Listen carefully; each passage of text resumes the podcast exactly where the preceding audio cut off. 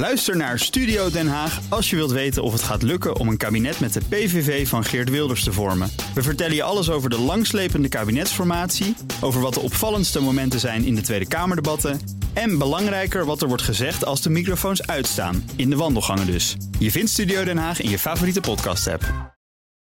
De column van Jaap Jansen. Soms blijkt een probleem zo groot en in zijn gevolgen verstrekkend dat de politiek er niet meer uitkomt. Zo was er het zeer urgente probleem van de stikstof. Er kon niet meer gebouwd worden. Iedereen keek naar de boeren als grootste producent, maar het kabinet durfde de knoop niet door te hakken. Er werd een onafhankelijke commissie ingesteld onder leiding van oud-vicepremier Johan Remkes. Een paar maanden later presenteerde hij haar oordeel onder de duidelijke titel Niet alles kan. En vorige week lag er opnieuw een rapport over de luchtvaart. Hetzelfde gebeurt met de arbeidsmarkt. In tientallen jaren ontstond daar een woeker aan arrangementen, regels, uitzonderingen en daarop weer uitzonderingen. Nederland telt inmiddels de meeste flexwerkers van heel Europa. De balans is zoek en de politiek en ook de polder komen er niet meer uit. Ook hier toog een onafhankelijke commissie aan het werk. De voormalige directeur Algemene Beleidsaangelegenheden van Sociale Zaken, Hans Borstlap, presenteert vandaag zijn rapport. Onlangs was het trouwens ook nog de commissie Donner, die het wangedrag van de Belastingdienst bij de kindertoeslagen doorlichtte. Het rapport leidde de val in van staatssecretaris Menno Snel, die vanwege de omvang van de problemen binnenkort wordt opgevolgd door twee staatssecretarissen. Het rapport bood minister Wopke Hoekstra de gelegenheid een stevige reorganisatie in gang te zetten waar Snel nog niet aan toe was. In de wandelgangen van de macht hoorde je: snel is goed, goed is beter. In 2004 pleitte toenmalig GroenLinks-Kamerlid Wijnand Duivendak voor het afschaffen van adviescommissies. Ze zouden een verstikkende deken over de politiek leggen en verzwakken vanuit hun achterkamertjes het democratische proces.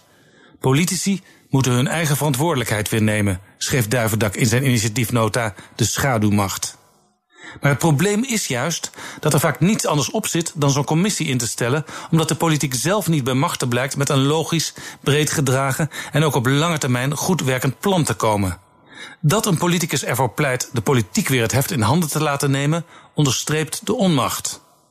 Bij een minderheidskabinet van vier heel verschillende partijen, dat moet navigeren in een zeer complexe Europese en volkenrechtelijke omgeving, moeten we juist blij zijn met commissies die onafhankelijk onderzoek doen, Donner, besluiten voorstellen waaraan partijen zelf hun handen niet durven branden, Remkes, of zoals Borslap vandaag, met lucide denkwerk een nieuwe, aanvaardbare balans voor de arbeidsmarkt schetsen.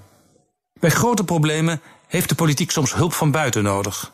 Over een dik jaar zijn er weer verkiezingen en zoals iedereen weet leiden die in ons land meestal niet heel snel naar een nieuw kabinet. Mijn tip? Bel Remkes en Borstlap. Remkes, omdat in een kabinetsformatie af en toe iemand moet zeggen dat niet alles kan. En Borstlap, omdat wat hij vandaag met zijn commissie voorstelt zo ingrijpend is dat uitvoering waarschijnlijk een volledige kabinetsperiode vergt. Johan Remkes en Hans Borstlap, de informateurs van het volgende kabinet. Mannen van gezag, van wie je weet dat ze leveren. Columnist Jaap Jansen. Terugluisteren? Ga naar bnr.nl of de BNR-app. En daar vindt u ook alle podcasts. Ook Thomas van Zeil vind je in de BNR-app. Je kunt live naar mij luisteren in Zaken doen. De BNR-app met breaking news, het laatste zakelijke nieuws en je vindt er alle BNR-podcasts. Bijvoorbeeld Het Nieuwe Geld. Download nu de gratis BNR-app en blijf scherp.